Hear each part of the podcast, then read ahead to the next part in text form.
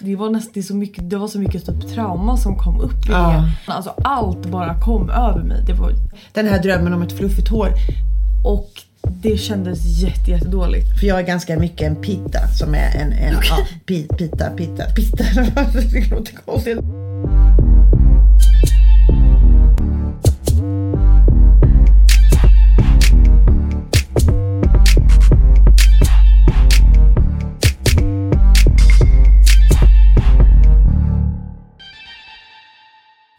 Och välkomna till Prettotanten och PK-bruden avsnitt 10. Tvåsiffrigt. Yes! Stort ändå. Det känns lite häftigt. Ja. Nu har vi ändå gjort 10 poddavsnitt. Ehm, ja, vi har ju inte poddat på eh, några veckor nu har det ju blivit.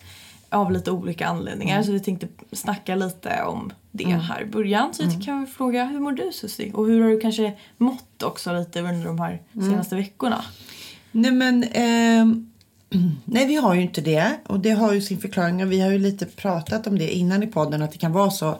Ehm, men eh, ja, alltså hur mår min normala så här natur som jag alltid skulle säga, jag mår bra. Så. Ja, Men, men det har jag faktiskt inte gjort. Jag har varit lite på väg in i en slags uppvarvning. ja. Som eh, jag tror till och med till du noter- ja, jag tror till och med du noterade det när Ja. du nämnde det för, mam- för din mamma. Alltså det var... Jag har haft en hel del oro efter och det har lite att göra men nu har jag pratat med min dotter om det här så att hon är okej med att jag vill inte hänga ut henne men, men Mm. hon har inte mått så bra under lång tid och så har hon mått mycket bättre de senaste mer än halvåret och sen var det liksom lite tillbakagång efter jul. Och ehm, jag blev så eh, stressad och orolig. Och ehm, jag har funderat mycket på det där när, när kroppen sätts i stress. Vad som händer med kroppen. För det är liksom som att hela systemet sätter igång och att det är fara.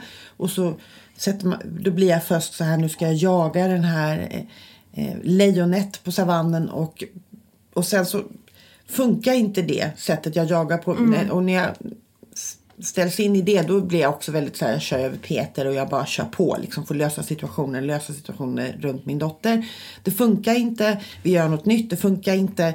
Och sen så bara typ lägger jag mig ner och dö och bara få panik. Så vi är ju lite, och då blir det så här att så fort vi, man jag känner av att inte hon mår bra, då, jag blir så otroligt känslig för det. Ja, och hela det är inte familj. konstigt. Nej, nej. Det är ju helt rimligt. Det är helt rimligt. Och då när du också har din eh, bipolaritet Ja. liksom på det Ja. så kanske det blir det lite som att du varvar upp då ännu mer. Men det är såklart du är jätteorolig Jo. liksom. Och oron är ju biologiskt betingad har min psykolog sagt till mig. Den är där för att jag ska skydda mitt barn. Ja.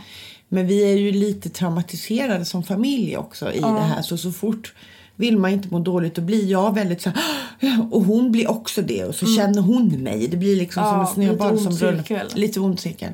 Och min strategi alltid då är att ta på mig 50-11 tusen saker istället och bara springa ifrån den här obehagskänslan. Ja, det känns lite som att du bara kör på och, och sätter på lite skygglappar så att du har någonting att göra så att du inte riktigt hinner tänka kanske. eller? Det är nog en väldigt korrekt analys av det här.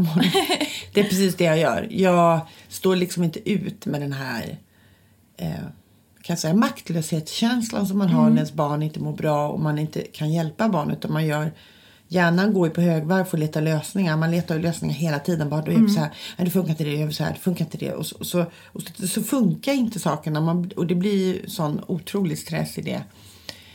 Och eh, nej, och då blir det så jobbigt att vara i den känslan av maktlöshet och oro. Så att, och då gör jag som jag tror att många människor gör, det är en slags överlevnadsinstinkt. Att jag bara kör på och tar på mig allt. Allt! Också. Jag kan göra det, jag kan göra det. Och så blev det lite på, på Tage på teatern, att jag tog på mig allt. Och, och bara ja, ja, ja, ja, ja, ja, ja, ja, ja, ja, ja. Så, så har jag alltid funkat tills din mamma upptäckte att nu. Och då är ju, har jag ju också min sjukdom som du säger. Så att det blir ju den, i den här Ja. känsligheten så blir det liksom en lätt en uppvarvning. Och då är jag, nu kommer jag inte dit därför att det är så bra. Jag har din mamma, jag har min man, jag har ju vänner runt mig som vet liksom väldigt mycket. Okej, okay, som kan se tecknen. För jag ser ju inte dem själv då utan jag blir ju ganska Ja, det är så effektiv. Att du blir mitt inte, jag är i helt uppe i liksom. det och är ju totalt bara uppe i dem och fixar alla uppgifter. Så att det så vi plockade bort, eller din mamma plockade bort saker från mig nu så att jag kan eh, för att jag har ganska stora projekt framöver som jag ska göra. Så jag har ganska mycket då. Men nej, men det, jag har funderat mycket. Nej, men det är jobbigt.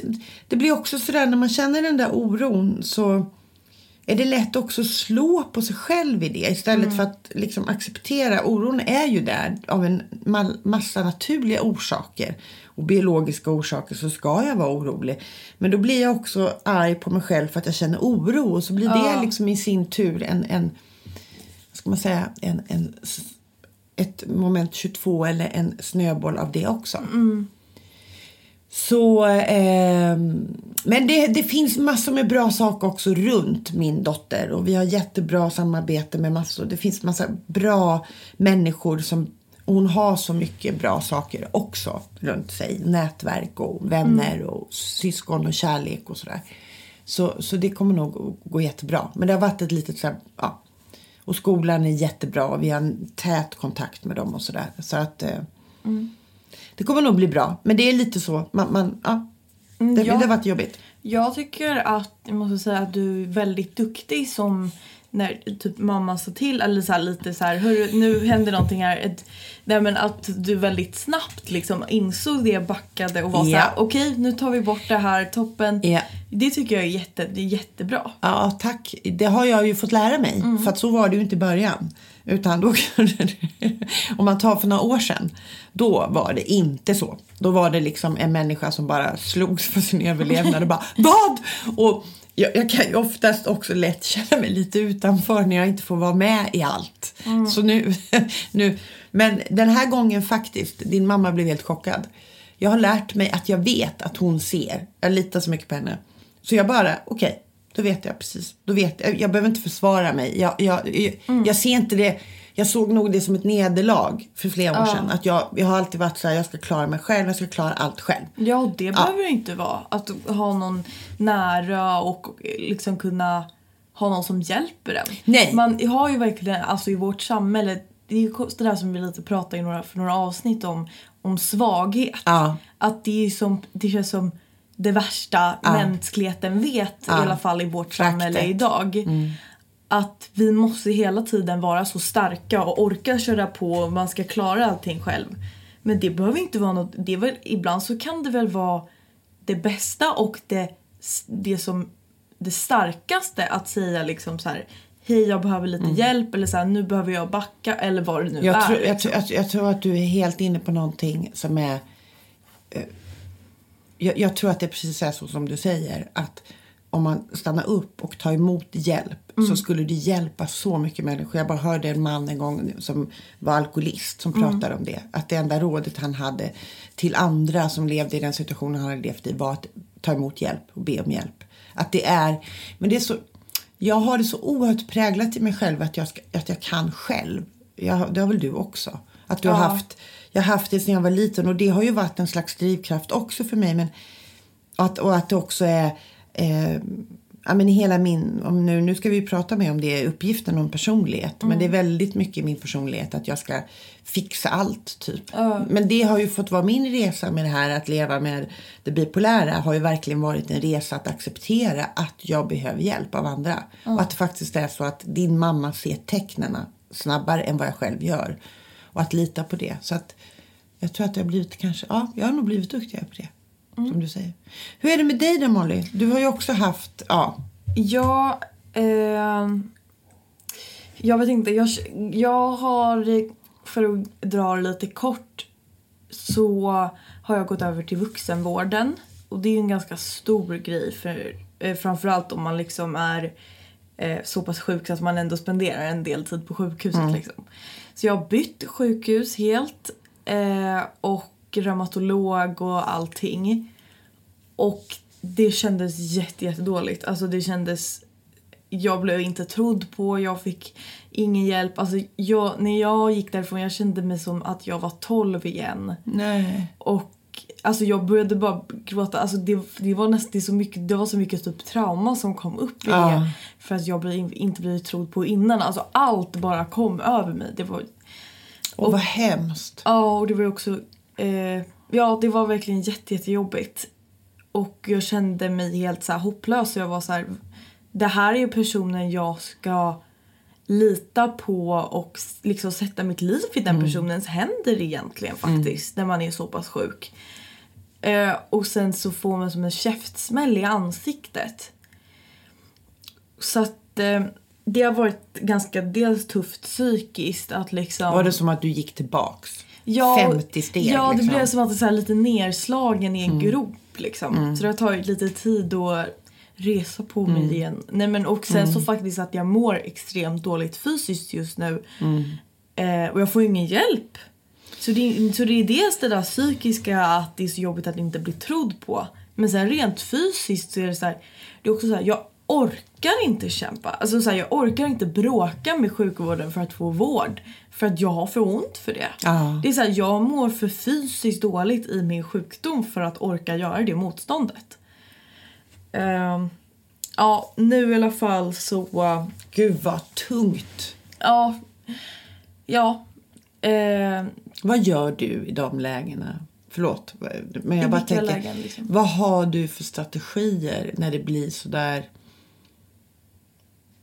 omöjligt? Hur tar du dig igenom det?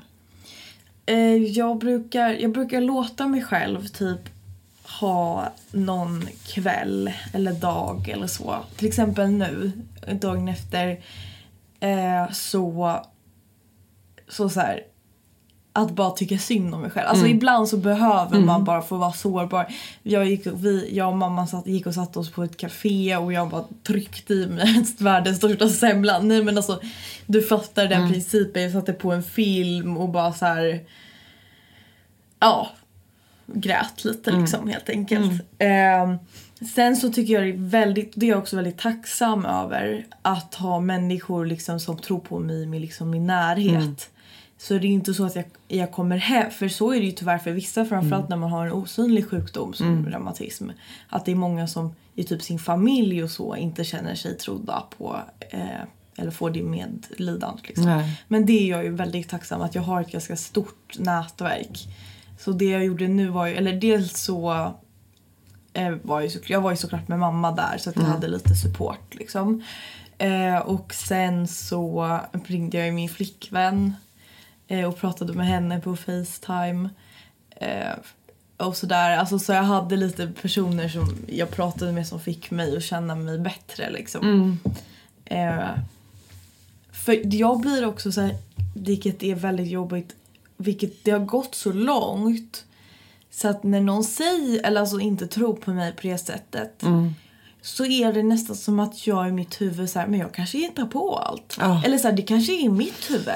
Jag kanske bara har spelat att jag har ont i så här många Ja, du år. börjar, såklart, den personen ifrågasätter ju dig och sen till slut så ger det tankar i ditt huvud så att du Ja. också börjar göra, det. Ja, att det blir så här, men så här, jag sitter och låtsas. Eller? Va? Och sen bara fast, sen så ställ, väntar jag mig upp och bara ursäkta fast Nej. va? Nej. men det kommer ändå sådana små tankar så, och de är nästan, de är fruktansvärt jobbiga att få. Mm, förstår och det. då är det så bra att ha någon i sin närhet och bara hallå. Mm. Eh, och också så här kanske se mig mer än min sjukdom. Mm. Alltså. Typ att eh, när jag ringde min flickvän liksom att hon fick mig att känna mig mer än den som inte är trodd på. Alltså att jag är någonting annat också. Samtidigt som det också i det här läget handlar ju om att också, men du är sjuk. Ja, För verkligen. de här, alltså, det är ju... det där har jag också fått kämpa, inte alls på samma sätt med dig, men lite också att det har varit för mig att acceptera att jag är sjuk. För att, Ja. för att inte säga så lätt säga så här, "Nej, jag löser det här på något annat Mm. sätt. Men det kan jag kanske känna att den är, är så pass present, eller vad man ska Ja. säga, fysiskt i min kropp. Att jag kan bli... Jag kanske mer har problemet att jag är så här eftersom att jag har så ont och allting att jag blir bara, jag blir bara en klump Ja, av smärta och reumatism. Ja, jag fattar. Och då, då tycker jag det är väldigt skönt att bara fast du, du är, och då dessutom någon, den med auktoriteten och makten liksom säger att nej det är du inte. Jag ser inte att du, eller så här, jag tror inte på dig. Vad är jag då? Då är jag bara en svart gegga av någonting. Och då kan jag tycka det är väldigt skönt att ha någon som bara hallå fast du är faktiskt väldigt mycket mer än det här. Du är det här och det här och det här och det här. Liksom. Som påminner, man behöver människor som påminner när det är mörkt också. När det blir väldigt mörkt så behöver man människor som känner en väl och kan se de andra bitarna. Hur tänker du framöver nu då? Liksom, Eh, jag, mamma, för jag klarade inte det, ringde till mitt sjukhus då och krävde att vi fick byta reumatolog. Så nu ska jag till en ny. Eh, vi är på samma sjukhus då. Så de är ju liksom kollegor. Det känns ju inte kanske toppen. Men ja, det är i alla fall någonting. Och jag är ju... Eh, jag ska träffa en sjukgymnast och en arbetsterapeut. Ja, jag kanske kan väl få... sjukgymnasten vet jag faktiskt inte. Jag har ju redan jag har ju liksom varit hos dem. Men eh, arbetsterapeuten är ju bra. Då kan jag nog få hjälp. Och eh, sen så ska jag också till en smärtenhet senare i vår. Eh, men ja. Ja, jag vet inte riktigt liksom. Vi får väl... To be continued liksom. ja, vi, får- vi, vi, vi tänker att vi kan också det, att vi får höra om det här också. Det, och det är ju intressant den där övergången från att man har varit barn till att man, det händer, jag tycker jag hör om flera personer. Jag hörde faktiskt om en tjej som också hade reumatism. Som försvann ut ur systemet och sen låtsades som att hon inte hade den här sjukdomen och bara körde på tills hon insåg att hon behövde ta hjälp och sen hjälptes av det. Hon förnekade det så länge.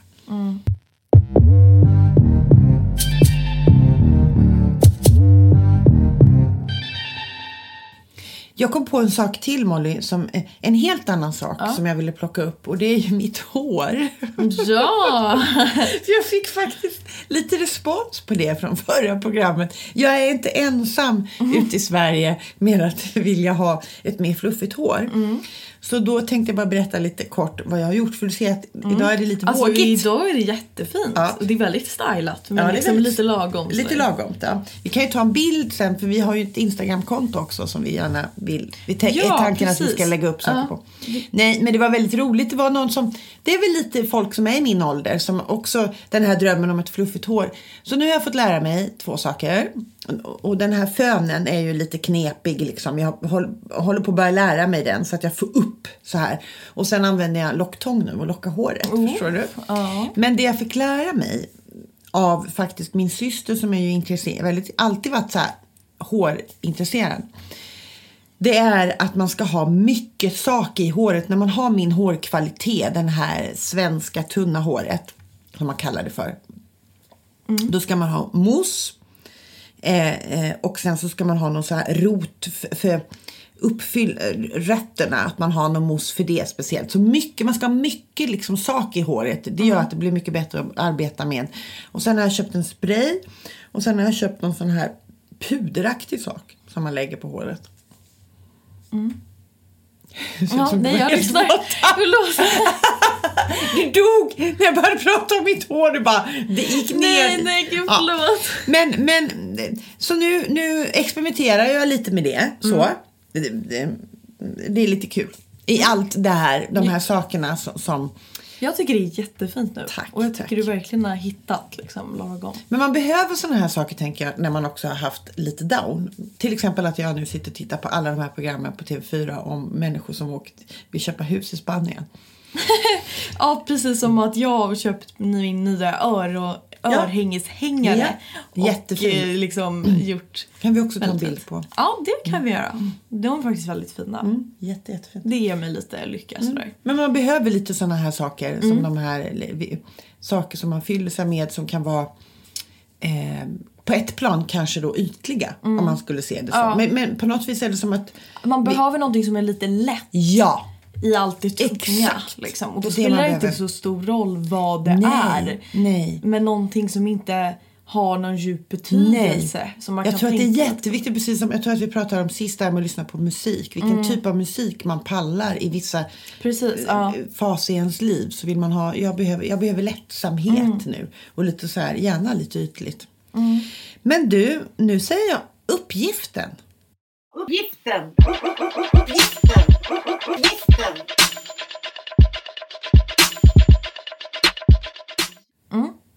Berätta. Ja, ska du börja? Nej, berätta vad det är. Ja, vi fick ju till uppgift, berätta. Vi fick ju till uppgift att vi skulle ta reda på vad som hade form, format oss. Du fick utav mig, jag fick vad som var min personlighet och du vad som hade format dig. Det är typ samma sak. Vi, fick, vi gav ju varandra samma uppgift ungefär. Min fråga är, var kommer, varifrån kommer vår personlighet? Vet du, det här är så sjukt för jag tänkte ge dig exakt samma fråga. Va? Jag bara, jag satt och kände så här. Vi kommer ha samma fråga nu. Jag bara kände det innan du började. Det här, vi har samma fråga idag. Min är lite likna... Men, men Oh my Gud, god, vad vad sjukt. sjukt! så varifrån kommer min personlighet? Ja. Mm. Gud Jaha. vad sjukt. Och jag... Nej men alltså jag menar det är ju en jätteintressant Ja, fråga. ja, verkligen. Ja, Och jag hade ställde. formulerat den så här. Ja, bra. Jag hade, min fråga till dig då Mm. var så här. Hur mycket påverkar föräldrar och uppfostran oss? Ja, Så jag kan, vi- kan vi inte börja med... Eh, du börjar. ska jag börja? Ja, Börjar du. Ja, jag börjar. Okej, då tar jag upp mitt tjocka block här. Nej men jag, det här är ju väldigt spännande att prata om personlighet och vad som, vad som påverkar vad och vad det, är för vad det finns för teorier. Så jag gjorde en liten sån här, jag tänkte jag går, jag går igenom dem lite, lite olika teorier. Du kanske också hade det, eller? Nej, jag är mer... Den här gången så har jag inte tittat på så mycket Nej. statistik. Nej. Jag har mer Feeling. reflekterat. Ja, bra. Ja, men det blir spännande. Men då, då finns det dels... det är ju väldigt svårt att säga vad som är vad, kan jag ju säga, när man har läst igenom. Att det finns... Eh, vad ska man säga? Forskningen har svårt att säga vad, vad, som, vad som påverkar personligheten. Men det finns en eh, teori som heter behaviorism. Behaviorism har jag stavat. Behaviorism. Behavior. Behaviorism. Mm. Eh, och där påpekar man väldigt tydligt att väldigt mycket är, vad ska jag säga, eh, omgivningen, miljön som påverkar vem du är. Sen finns det humanistisk psykologi och de betonar väldigt mycket människans fria vilja, att det är du själv som formar din personlighet. Så finns det en teori som kallas för personlighetstyp ABC. Och där man delat in personligheterna i tre olika. Och då är en A då är en person som har många bollar i luften, tävlingsinriktad och karriärsdriven. Personlighet B är lugn, stresstålig, lever ett, ett lugnare tempo. Och C är mer lättstressad, svårt att fatta beslut, tillbakadragen och ovillig att dela med sig. Sen finns det de som pratar om extrovert och introvert personlighet. Ex- Extrovert är man utåtagerande och introvert är man mer... Man pratar ju om att vi lever i en kultur idag av att, vara, att man ska vara extrovert, att det är mer, eh, ger mer fördelar. Och introvert, då är du, då är du inte lika öppen med dig själv. Och, Sen finns det femfaktorsteorin som delar upp folk i då neo, eh, neuroticism, som, då är man stabil eller är man osäker. Man delar in det i öppenhet, att man antingen har praktiska rutiner eller är man en fantasifull person och variationer. Eh, och sen delar man in det i samvetsgrannhet, om man är organiserat noggrann eller man är oaktsam och impulsiv. Sen delar man in det i vänlighet. Är du en förtroendeingivande och hjälpsam person eller är du misstänksam? Eh, Det pratade vi lite om eh, SD och Miljöpartiet. Kommer du ihåg det? Att SD var den Ja, partiet det. som hade personer som hade mest, me- minst tillit till samhället. Och eh, Miljöpartiet var tvärtom.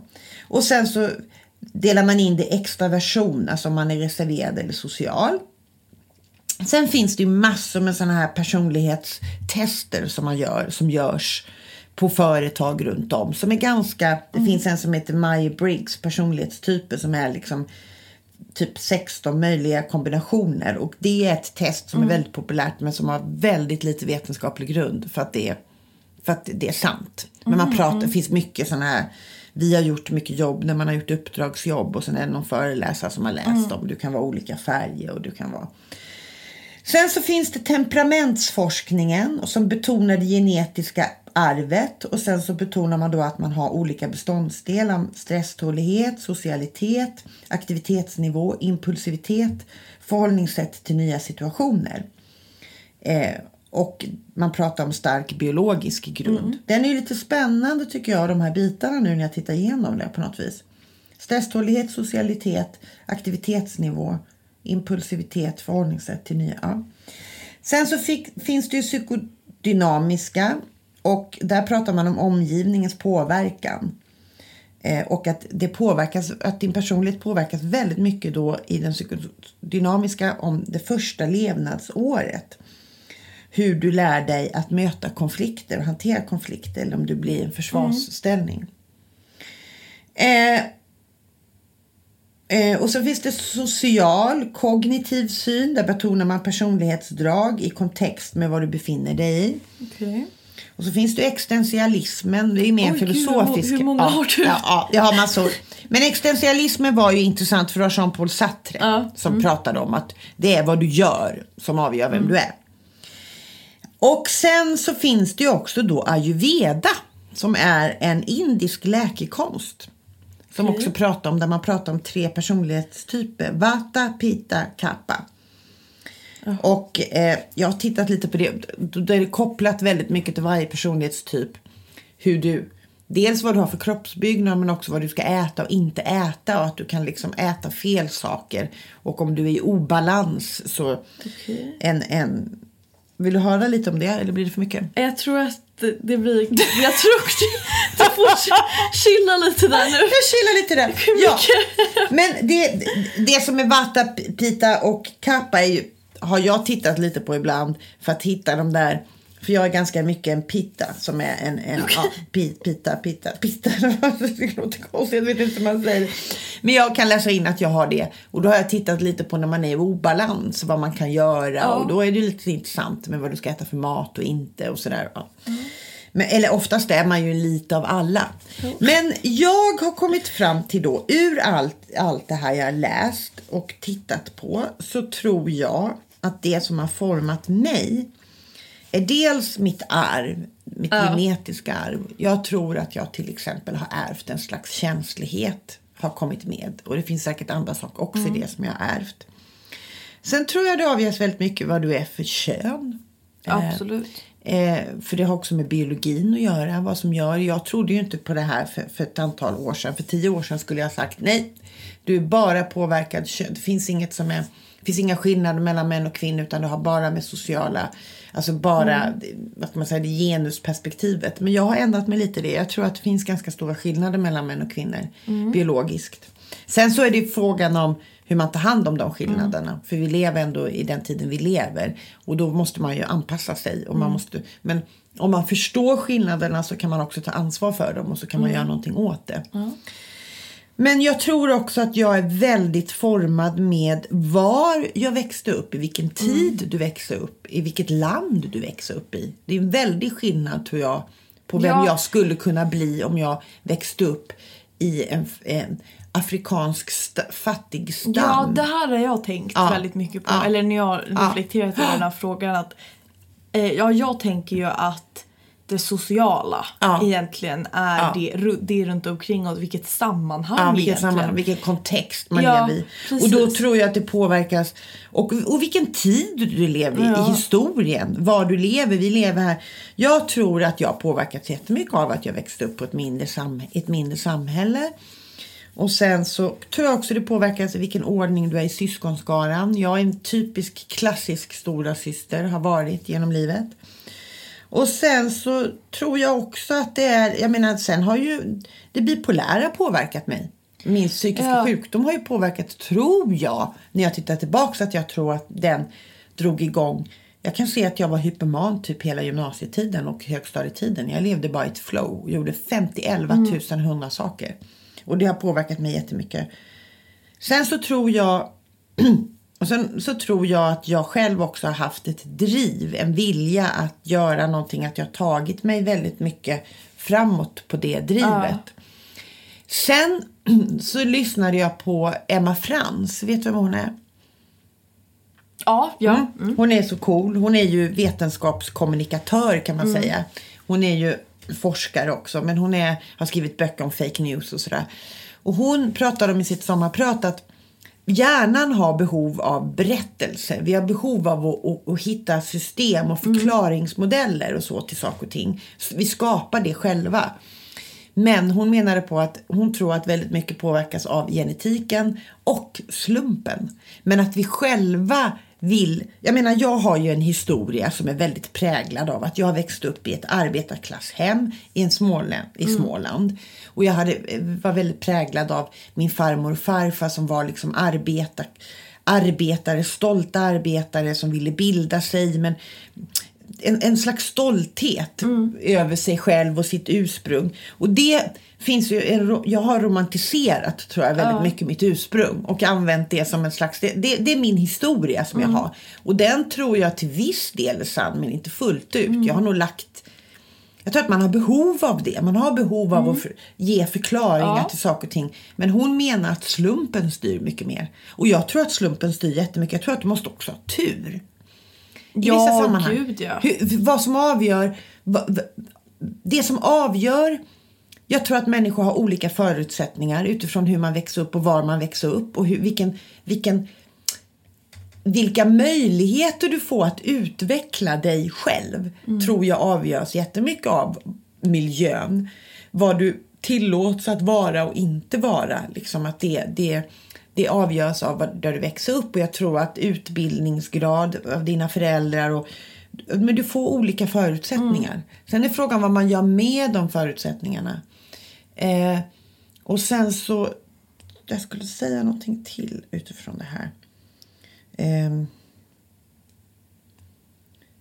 Nej men jag tror också att slumpen styr jättemycket mer. Jag tror så här. Jag tror att vi lever i en tid där vi vill vi vill att den fria viljan, att jag har format mig själv. Det är väldigt mycket min självbild. Att jag har tagit mig från ett litet samhälle. Jag har tagit mig upp till Stockholm. Jag har Ja, skapat jag en teater. att- jag, menar, har gjort det. Jag tänker att människan är ju en väldigt egocentrisk varelse. Ja, både och. Samtidigt som vi är enormt behov av flocken.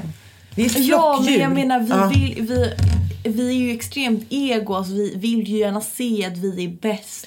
Jo, men det har också att göra med att vi lever i det landet i världen som sätter individuell utveckling högst. Ja, vi är menar, men- helt fast- unika. Ja. men jag tycker generellt att människor det måste du väl hålla med om? Att vi är extremt ego. Jo, men vi, och det tror jag har att göra med... Jag tror att det är både och. Jag tror att vi har... Vi vill ju ha en bild av oss, eller som du säger här, vilket jag säger inte att den är o- osann, men Nej.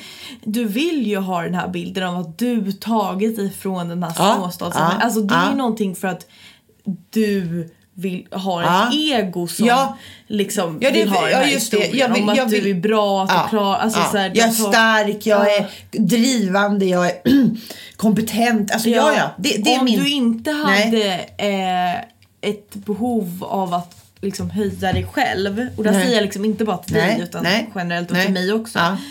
Eh, så hade du ju kanske inte behövt ha en då hade nog inte du formats av din bakgrund eller historia. Nej. För då hade du inte höjt den på samma Nej, sätt och gjort det. den lika nej, betydelsefull. nej, nej, men det är säkert så. Och sen är det ju intressant hur vi lever. För att, jag menar, vi, men som sagt var, vi lever ju i världens mest individualistiska samhälle. Det är intressant. Vi lever ju, när man pratar om world values som är intressant, så ligger ju Sverige uppe i ett litet hörn där vi är, vi är helt, alltså vi är de konstiga i världen. Vi tror att alla andra är konstiga, men det är vi som är så udda och Men extrema. i vilket perspektiv? När man tittar på world, world value så tittar man på... Det där, jag tänkte faktiskt ge dig kanske det som uppgift. Det finns en, man tittar på det, hur man ligger både, eh, hur vi är så extremt sekulariserade.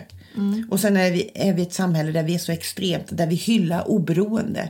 Många andra kulturer eller samhällen lever ju, där, där man är mycket mer beroende av sin familj och sätter mycket mer stö, större värde i att tillhöra en familj. Men vi, vi, är, vi ligger, om man har de här staplarna av sekularisering och sen individualitet, tror jag är det på staplarna, så ligger vi, Norden ligger ju här uppe generellt, men Sverige, vi är extremaste, extremaste i alla avseenden, både liksom Eh, vilket är ju skitspännande. Och, vi var, och, och det, har vi, det har vi varit präglade av under väldigt lång tid. Och det handlar ju också om att vi har haft ett samhälle, att vi har ett välfärdssamhälle där vi inte blir beroende av vår familj lika mycket som man är i andra kulturer. Men jag håller fortfarande det, fast med. Jag tycker att alltså, vi, vi är ganska hemska varelser. Vi Jo men är västvärlden är ju det. Men, men, men vi ska titta på den. För du ska, du, ska få, du ska få det som uppgift någon gång att titta på den World Values. För det är jättespännande. Men, så vi är ju, vad jag menar är att vi är extrema, extrema i Sverige. Sen hela västvärlden drivs ju av att man ska liksom på något vis eh, hylla, som du säger, lyfta upp sig själv och sitt eget.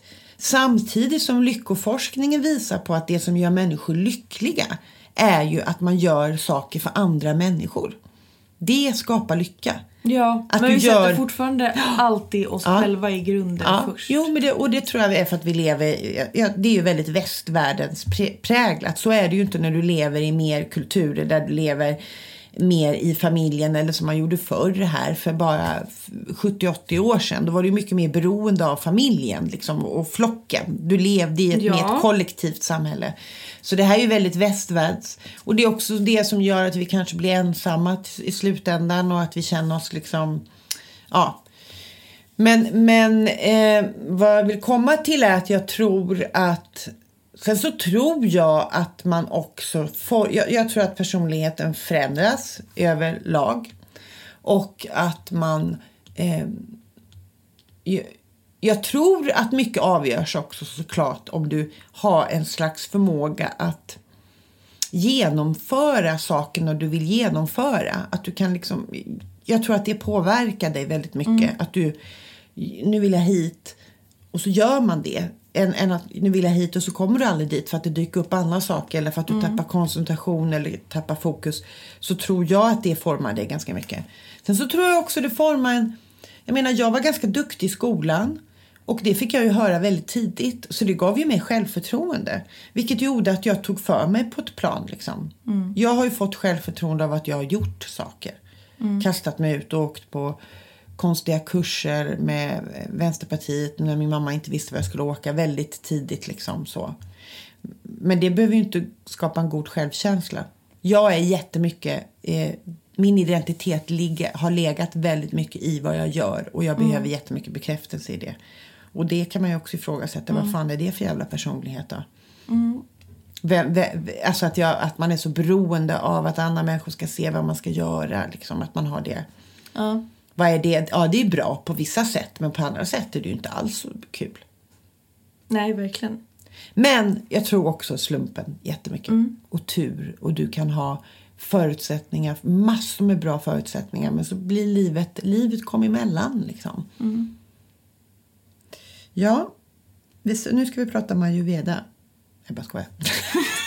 men du, nu ska, nu ska inte jag prata mer, nu får du prata. Ja, nej men jag tänker väl eh, som... Jag tänker väl väldigt mycket... Alltså vi har ju det ett, bas. Eller så här tänker jag. Vi Ja. har en bas som är eh, genetisk. Ja. Liksom, vi kommer till världen och då har vi ju vissa eh, grundprinciper som är på grund av arv. Liksom. S- Eh, både fysiskt men också psykiskt. Hur vi koppla, kopplar saker och liksom, det får vi ju med oss i arvet. Ehm, och sen efter det så tänker jag att det har så stor betydelse just som vi pratade om innan, kontext. Alltså det tror jag har en enorm betydelse. Var, var man växer upp och vad man har för föräldrar. Vad har man vän, alltså, och jag tror också att där man börjar livet det känns som att man har med sig det väldigt länge. Alltså så här, så här var jag i barndomen, Mm. det här hände mig i barndomen. Eh, och att det liksom ger jättemycket till vår personlighet också framåt. Ehm, sen så tänker jag också att, eller jag vill tänka att vi har en... Alltså så här, jag tänker egentligen väldigt kanske pessimistiskt. Men jag tänker att vi inte har ett så stort jag. Egentligen. Nej, vi, det är intressant. Nej, Alltså så här, att vi är mer formbara tänker Ja, du? Mm. precis. Att jag, jag vill kunna säga att så här, jag skulle vara jag även om jag levde mhm, eller mhm. Men det tror jag inte. Mm. Jag, jag tror att jag bara är så här på grund av mina erfarenheter, min kontext och vad jag är Mm. lärd. Och sen då en liten del. Har du en Ja, det slags... Ja. jag. mm. Det är jättespännande. Så det håller jag verkligen Mm. med det här med slumpen. Det går ju verkligen in i det jag säger. Alltså det håller jag Och du menar att det här egodrivandet är skapandet av sig själv? Att vi har sånt behov av att skapa. Det Ja. här är jag. Mm. Precis, för att jag tänker att Håller jag jaget i vår värld idag, Mm. vårt samhälle är så viktigt. Alltså vi liksom är någon, vi ska göra karriär Mm.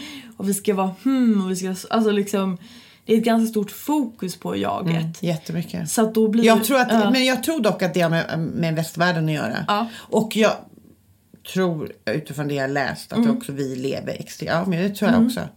Och det är en ganska spännande tanke att man är att man inte är så mycket då ju. Ja, det Egentligen. är lite läskigt. Alltså ty- tycker jag i alla fall. Jag vill verkligen vara jag. Men är jag verkligen Mm. Det? Eh, Ernst Billgren sa ju någonting i det, Stjärnorna på slottet om att han är helt ointresserad av vem han är.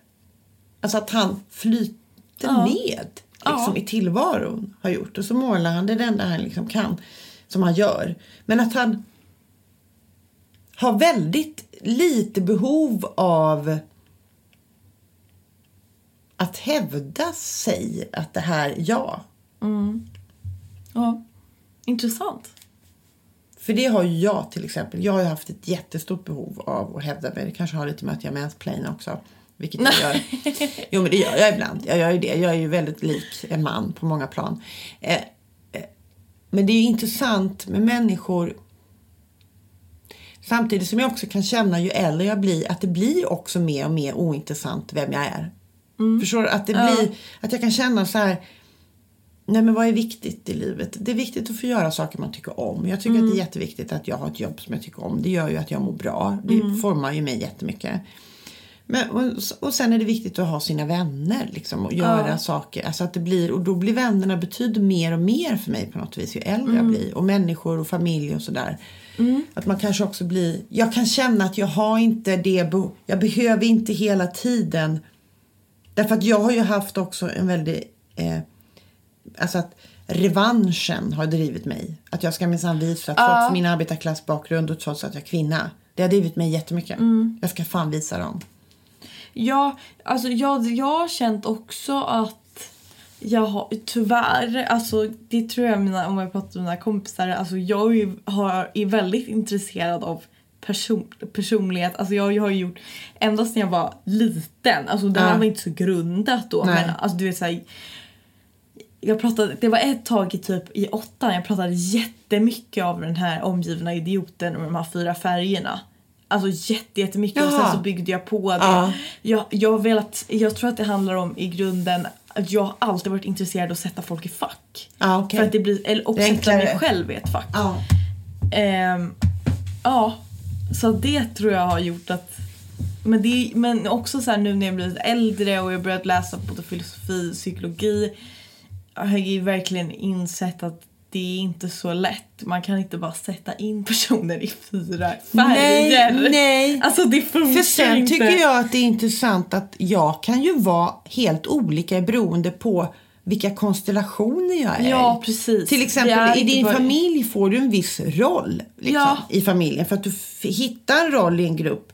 Men jag kan ju vara helt annorlunda i en annan grupp. Ja, jag vet. Så det är ju, jag tror att det är jättemycket så som du säger att vi Vi är för komplexa för det. Ja, och vi kanske anpassar oss också jättemycket Ja, där vi precis. är. Att Ja. vi vill, Vi, har vill passa inte in. så Nej, men stort vi, jag där. Precis, nej, ja. därför att det har varit så viktigt också att passa in om man tittar på så här Verkligen. För att det var viktigt att vara en del av en flock för att överleva. Så det är så viktigt att känna av. För de säger till exempel det här med skvaller.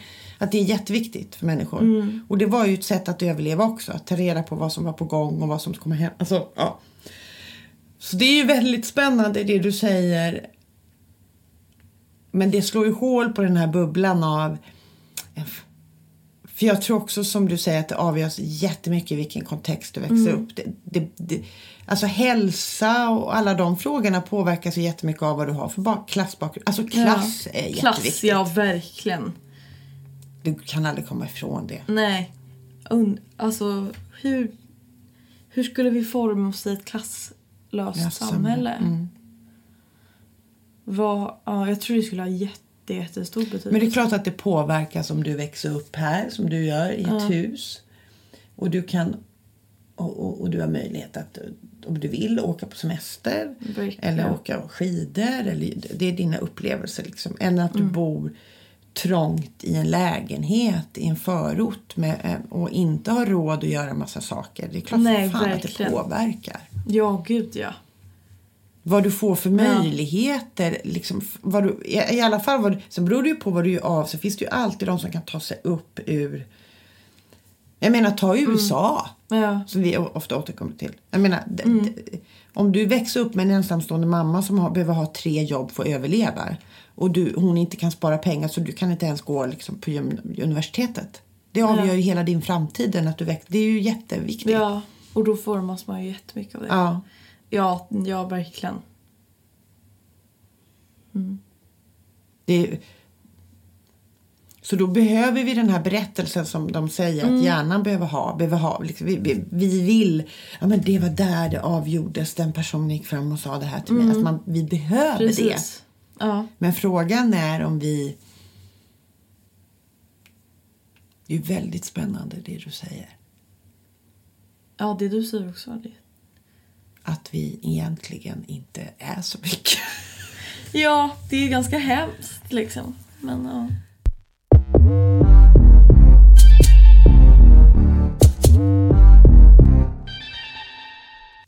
Okej, ska vi gå vidare? Ja. Eh, är det någonting du tänkt på? Nej, vi ska ge varandra en ny uppgift. Ja, men gud förlåt. Gud, det höll jag på att missa. Vad är min uppgift? Ja, du ska få en uppgift.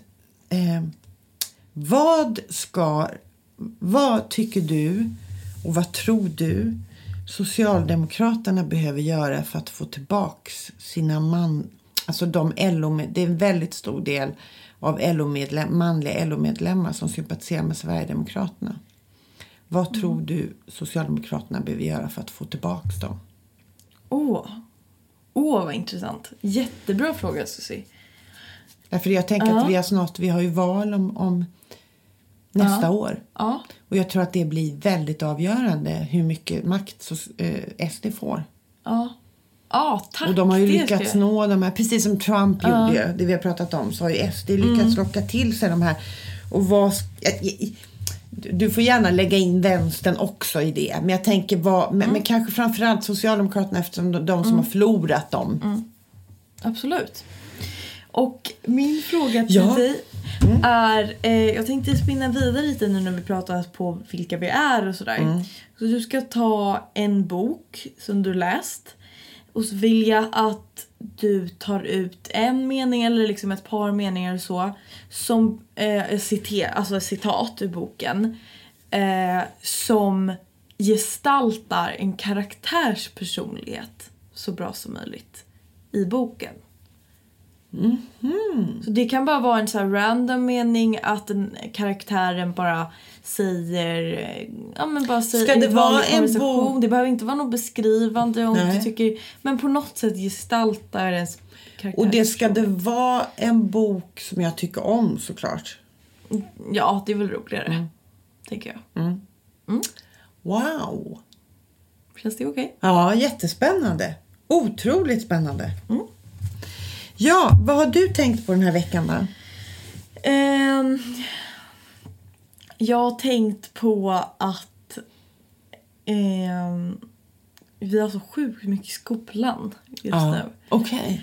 Eh, så det jag mest gör är att plugga. Och då ser jag mina tankar går mycket i skolarbeten. Jag håller just nu på att eh, göra min slutantologin i, eh, sk- Du går ju ut. Ja, i, sk- i skriv nu.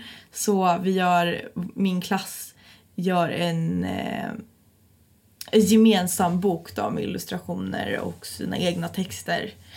Eh, och sen så trycker vi den och så. Så mina tankar har gått väldigt mycket på vad jag ska skriva eh, och sådär. Så jag gjort väldigt mycket så här skrivövningar och så. Det tycker jag är så himla roligt. Mm, du är väldigt duktig på det. Ja.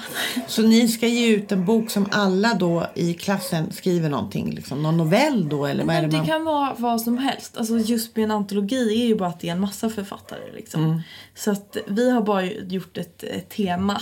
Mm. Ehm, som, och så får alla hålla sig till det. Ah, ja, ja. Och så får man tolka det helt Vad är det fritt. för tema? Ehm, växa. Vi tänker eftersom att vi går ut och sådär. Ah. Att vi ska, så på något sätt till ska det, på något sätt ska någonting växa. Eh, och så har vi, man måste göra minst en text och en illustration då eftersom att vi går både Liksom, litter, litter, litteratur, skrivande och eh, digitalt skapande. Eh, så det tycker jag är väldigt roligt. Så det har jag tänkt på mycket i veckan. Känn, hur känner du inför att det tar slut sen då? Du ska, vad har du, vet du vad du vill göra i höst eller har du... Eh, ja, jag vill plugga litteraturvetenskap i höst. Ja. Jag tycker det känns... Det, jag tycker det, det är lite jobbigt att gå ut för det blir ju så här, man måste hitta ett sammanhang som man lite har fått gratis eller vad man ska kalla det.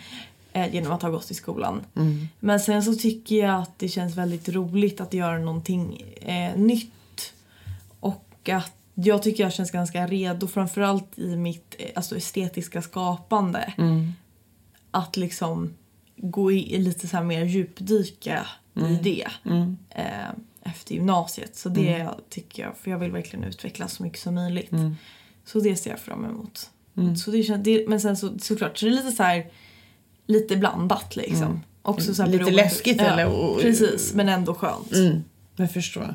Mm. Gud vad spännande. Litteratur. Ja, det är klart du ska läsa det. Och Ja. du, du har inte tänkt att gå någon skriva eller det tänker du Eh, sen jo, kanske? precis. Men jag måste ju börja med något liksom. Mm. Eh, så, ja, vi får se. Gud vad spännande. Herregud, du är Mm. studenten. Vad har du tänkt på Susie? Ja, eh, jag har tänkt på klass. Därför att det är ganska avgörande i corona. Vilka som har blivit Mm. smittade och inte smittade. Verkligen.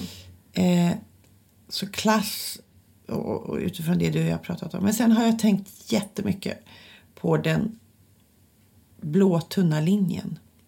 Den polisserien. Ja, den har inte jag sett faktiskt. Alltså den är, måste jag säga, helt fantastisk. Den är... Den är så bra. Så att... Ja, och då Alltså, måste jag se den. Ja, alltså jag blir... Alltså den är väldigt stark så jag sitter och gråter varje, varje gång. För att det, ja, men det är på riktigt liksom. Det är riktiga människor. Det är, Vad är det? Är det alltså jag har inte riktigt fattat. Är, Det är, det är poliser i Malmö. Alltså vanliga poliser. Inga kriminalpoliser utan vanliga poliser som åker ut på bråk. Som åker hjälper folk. Alltså som, som rör sig. Och så får man följa flera utav dem. Och lite också deras personliga relationer. Så. Men det är så... Okej. Det är så bra situationer. Det är på riktigt. Liksom. Det, är riktigt. det fanns en scen som var... Då är det en av poliserna, han har en syster som är missbrukare. Och de tar henne. Och, sen är det, och då är det deras relationer. Det är fantastiskt gestaltat och man förstår liksom den här besvikelsen han har haft på henne och den här sorgen och sen det här hoppet på att nu ska hon bli Ja, precis. nu, nu tar hon tag i de här problemen.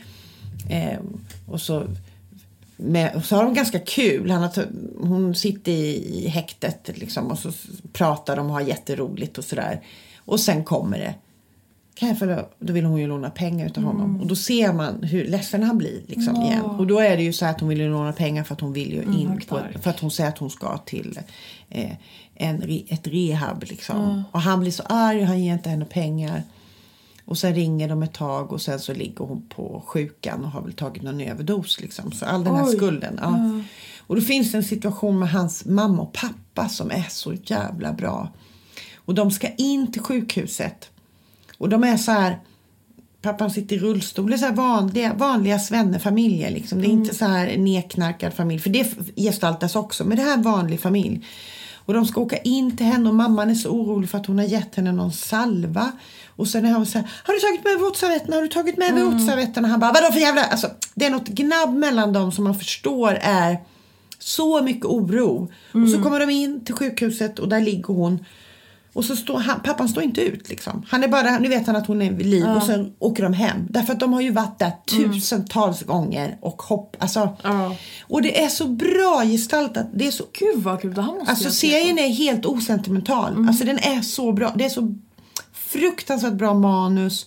Ja men det här att man ser en polis som har mens och bindan Mm. har i de här tunga kläderna. Bara det, hur ofta ser du det? Alla Mm. vi kvinnor har ju varit med om att vi situationer har inte fått Verkligen. med oss binder. Ja. Och man har suttit, jag satt en gång och skulle vara med i en pan- paneldebatt på en teater. Och jag hade så mycket Ja, ja, du vet, det bara fan. blödde igenom liksom. Allt det där. Så, och en polis då som Mm. är ute och inte har någon toalett och åker runt. Alltså bara det. Men det är såna... Det är så mänskliga situationer som både... Och sen är det roligt ibland som man bara håller på att dö. För att det är Ja, så gud. roliga karaktärer. Men så starkt. Men gud, jag måste jag se på. Ja, jag, jag rekommenderar den varmt. Det är väldigt, väldigt, väldigt bra manus och väldigt, väldigt bra regi och fantastiska skådespelare och ganska ny och väldigt både, men, men också nya ansikten. Alla blir glada när det är nya ansikten, så är det ju. Men gud vad roligt. Ja, din mamma tittar också på den. Den är, Tips alltså. ja. Så tipsar vi, passar vi på att tipsa också om vårt nya Instagramkonto. Ja! Prettotanten och PK-bruden i ett ord. ja. Eh, så där Just kommer det. ni få lite updates Ska vi inte ta lite bilder idag då? Ja, det, vi behöver ju Ja, lägga ut behöver- lite ja, men det behöver vi inte göra. Nej, Nej. nej. jag bara tänker att det, så att vi, för det ligger ju inget på det nu. Ett inlägg. Vad sa du? Ett inlägg. Gör det? Ja. Ah, vad roligt. Men ja, i alla fall. Eh, Så passa på att följa och så ses vi väl eh, nästa vecka då. Då ses vi nästa vecka med våra nya uppgifter. Ja. Och eh, så får vi tacka er Ja. för att ni har lyssnat. Och tack Susie för att jag fick prata med dig. Ja, tack för att jag fick prata med dig. Ja. Puss och kram!